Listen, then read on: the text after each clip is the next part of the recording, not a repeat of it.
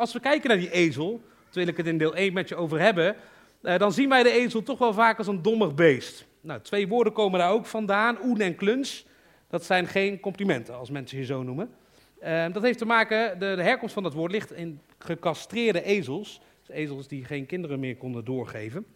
Um, niet echt positief te noemen. Uh, ezels staan bekend als eigenwijs. Doen hun eigen wil, koppige ezels, als ze er geen zin in hebben, doen ze het niet. En zijn ook moeilijk, let op rechtsonder, moeilijk in het leren, nieuwe leren, leren van nieuwe dingen. Dat is een beetje het beeld wat heerst van de ezel. En zo zien we ook bij de musical deel 1, het kleine, het oude ezeltje. We zien een ezeltje dat eigenlijk geen waarde meer lijkt te hebben. Dat er niet meer toe doet. Dat vroeger misschien nog wel sterk was en goed was en goed kon werken voor de baas. Maar nu de vraag stelt aan zichzelf, hoort ze er wel bij? Hoort dat ezeltje er nog wel bij? Ze een beetje gepest, weggezet door anderen. En doet ze er nou echt toe? Of omdat ze oud is, omdat ze niet meer aan kan, is haar rol voorbij. En eigenlijk kan je dat ook een beetje zien bij Jozef en Maria. Dat doen ze ertoe en horen ze er nog bij. Want als je de Bijbel leest, we zijn begonnen het kerstverhaal vanmorgen met de kerstezel, of met de kerstezel moet je mij horen, met Bethlehem, met het aankondigen van um, dat ze op reis moesten van Bethlehem naar Nazareth om zich in te schrijven in de stad waar ze vandaan kwamen. En daarvoor zit nog een stukje dat Maria krijgt te horen dat ze zwanger is en Jozef dat ook te horen krijgt dat Maria zwanger was. Nou, dat ging niet op een hele logische wijze als je daarover nadenkt. Als het helemaal vertalen naar de tijd van nu. Maria kreeg te horen, ze was samen met Jozef, maar nog niet getrouwd. Staat nog in de fase voor het trouwen. En Maria kreeg te horen van een engel dat ze zwanger was, maar niet van Jozef, van de Heilige Geest. Nou, moet je dat gesprek even voorstellen als Maria naar Jozef liep op een avond en zei: Luister, ga even zitten. Moet je wat vertellen? Ik ben zwanger, maar niet van jou. Ja, wie was het dan? Was de buurman van drie deuren verderop? Of was het die? Ik zie de hele tijd kijken. Nee, nee, het is van de Heilige Geest. Ik kan me voorstellen dat Jozef dat even lastig vond te plaatsen. En moeite had om dat op zijn manier te verwerken. Ho hoezo? Hoe zit dat dan? Hoe werkt dat dan? En vervolgens lezen we in de Bijbel dat ook aan Jozef werd verteld hoe het zat. Dat Jozef ook met zijn angsten, met zijn gevoel, hoe moet ik hier ermee omgaan? En we, we zijn dus blijkbaar is Maria zwanger en ik ga trouwen met haar en we zitten hier in deze gemeenschap en het is niet de bedoeling dat je zwanger bent voordat je gaat trouwen. Horen we erbij? Doen we er nog toe? Kunnen we niet beter weggaan? Kan ik niet beter bij haar weggaan? Die vragen zijn best logisch voor te stellen. Waarop ook een engel naar Jozef komt en zegt tegen Jozef, lees mee in Matthäus. Die zegt, Jozef, zoon van David, wees niet bang. Je vrouw Maria, sorry, wees niet bang je vrouw Maria bij je te nemen, want het kind dat ze draagt is verwekt door de Heilige Geest. Eigenlijk wordt ze bevestigd, wordt hij bevestigd door wat Maria zegt. Ze zal een zoon baren, doen we het goed? Ja, sorry. Geef hem de naam Jezus, want hij zal een volk bevrijden van hun zonde. Dit alles is gebeurd opdat in vervulling zou gaan wat bij monden van de profeet door de Heer is gezegd. De, naam, de maagd zal zwanger zijn en een zoon baren en men zal hem de naam Immanuel geven. Wat in onze taal betekent God met ons. Hier vond Jozef die geruststelling. De geruststelling. Nog voordat de reis begon naar Nazareth. Naar, van Nazareth naar Bethlehem. Hij vond geruststelling door wat de engel sprak. Met de woorden, noem Jezus Immanuel. Geef hem de naam Immanuel. God met ons.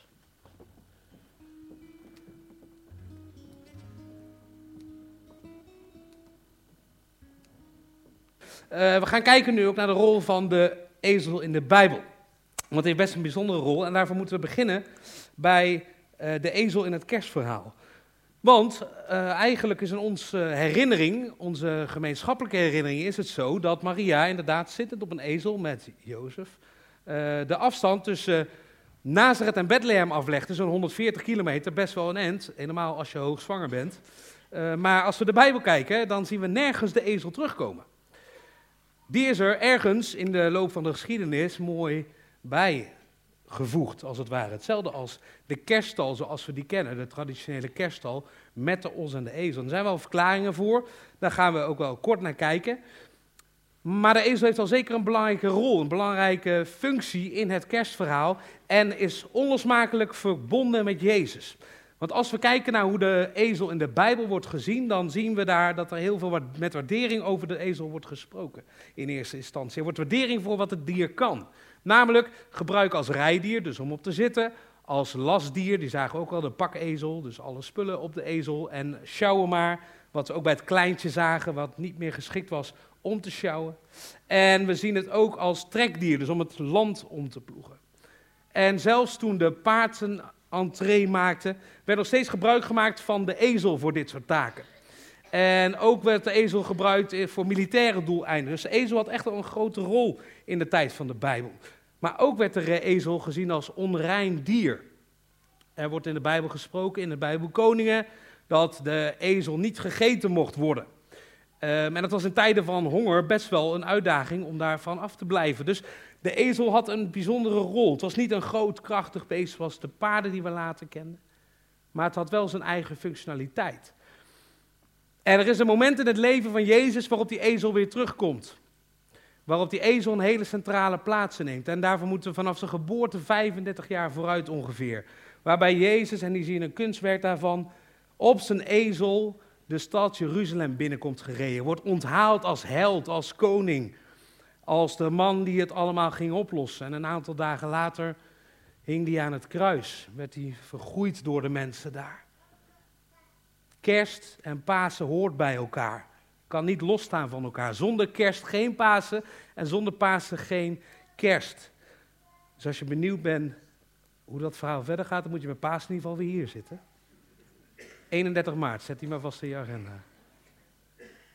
Maar die ezel heeft een rol in het verhaal. Jezus kiest ervoor om 35 jaar later niet op een paard vol triomf binnen te komen. Nee, hij kiest ervoor om een onrein dier te kiezen en op een klein ezeltje, een jong ezeltje binnen te komen. En dat is ook waarom wij hier bij elkaar komen. Wat de betekenis van kerst voor ons is. We zagen al, God met ons. Geef hem de naam Immanuel, werd aan Jozef gezegd. God met ons. God wil met ons zijn. Kerst is een feest van gezelligheid. Prima. Cadeautjes onder de kerstboom. Prima. Uh, leuke outfits aan. Prima. Ik bedoel, ik heb ook mijn best proberen te doen. Daar is allemaal niks mis mee. Maar kerst gaat verder. En daarom geloven we bij Stadskerk 040 dat we een reden hebben om ons bed uit te komen iedere ochtend. Dat we een reden hebben om hier samen te komen met elkaar. Eens in de twee weken. 7 januari is de volgende, dus ook dan welkom. We geloven dat God naar ons is toegekomen. We geloven in een actieve God. Die begint met kerst door te zeggen: Ik kom naar de wereld toe. Ik kom naar jou toe omdat ik je wil kennen.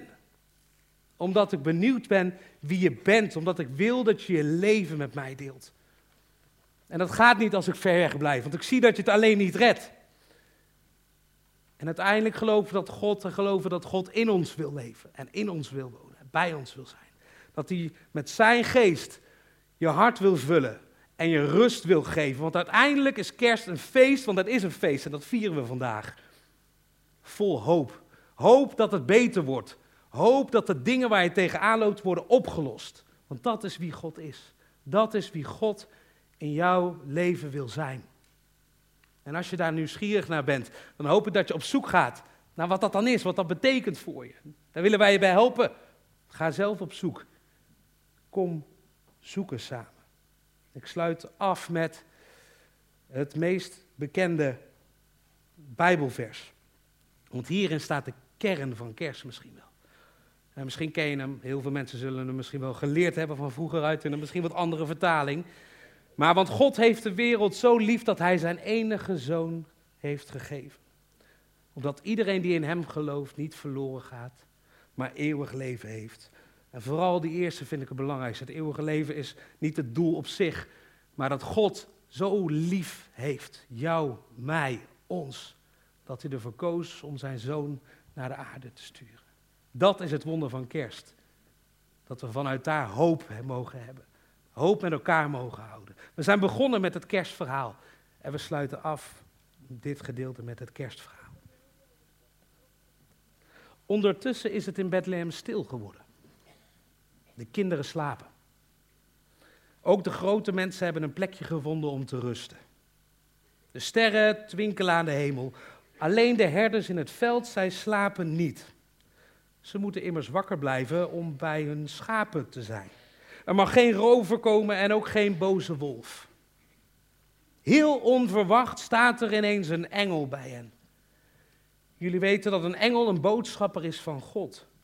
Natuurlijk hebben de herders wel eens boodschappers gezien. Soms waren dat soldaten van de keizer die het land rondgingen en een fakkel bij zich droegen als het donker werd. Maar deze boodschapper komt regelrecht uit het paleis waar God woont. Dat paleis heet de hemel. In de hemel is het altijd licht. Nog veel lichter dan in het paleis van de keizer. Al dat licht brengt de engel mee. De herders doen de handen voor het gezicht. Ze vallen neer op de grond. Zo mooi, iets was hen nog nooit overkomen. Ze horen een stem, een engelenstem. Wees niet bang, herders. Ik breng jullie een boodschap die je blij zal maken.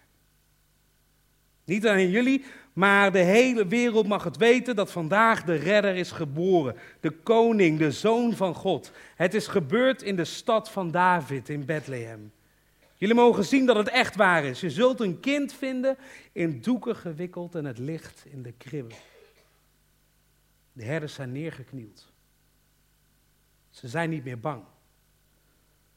God vindt het goed dat ze zijn heerlijkheid zien. In deze nacht is Jezus de redder geboren. Het is feest. Alle deuren van het hemelpaleis gaan open. De engelen staan vlak bij de herders en zeggen voor hen het lied dat ze altijd al op de lippen hadden. Nu mag iedereen het horen en gaan zingen.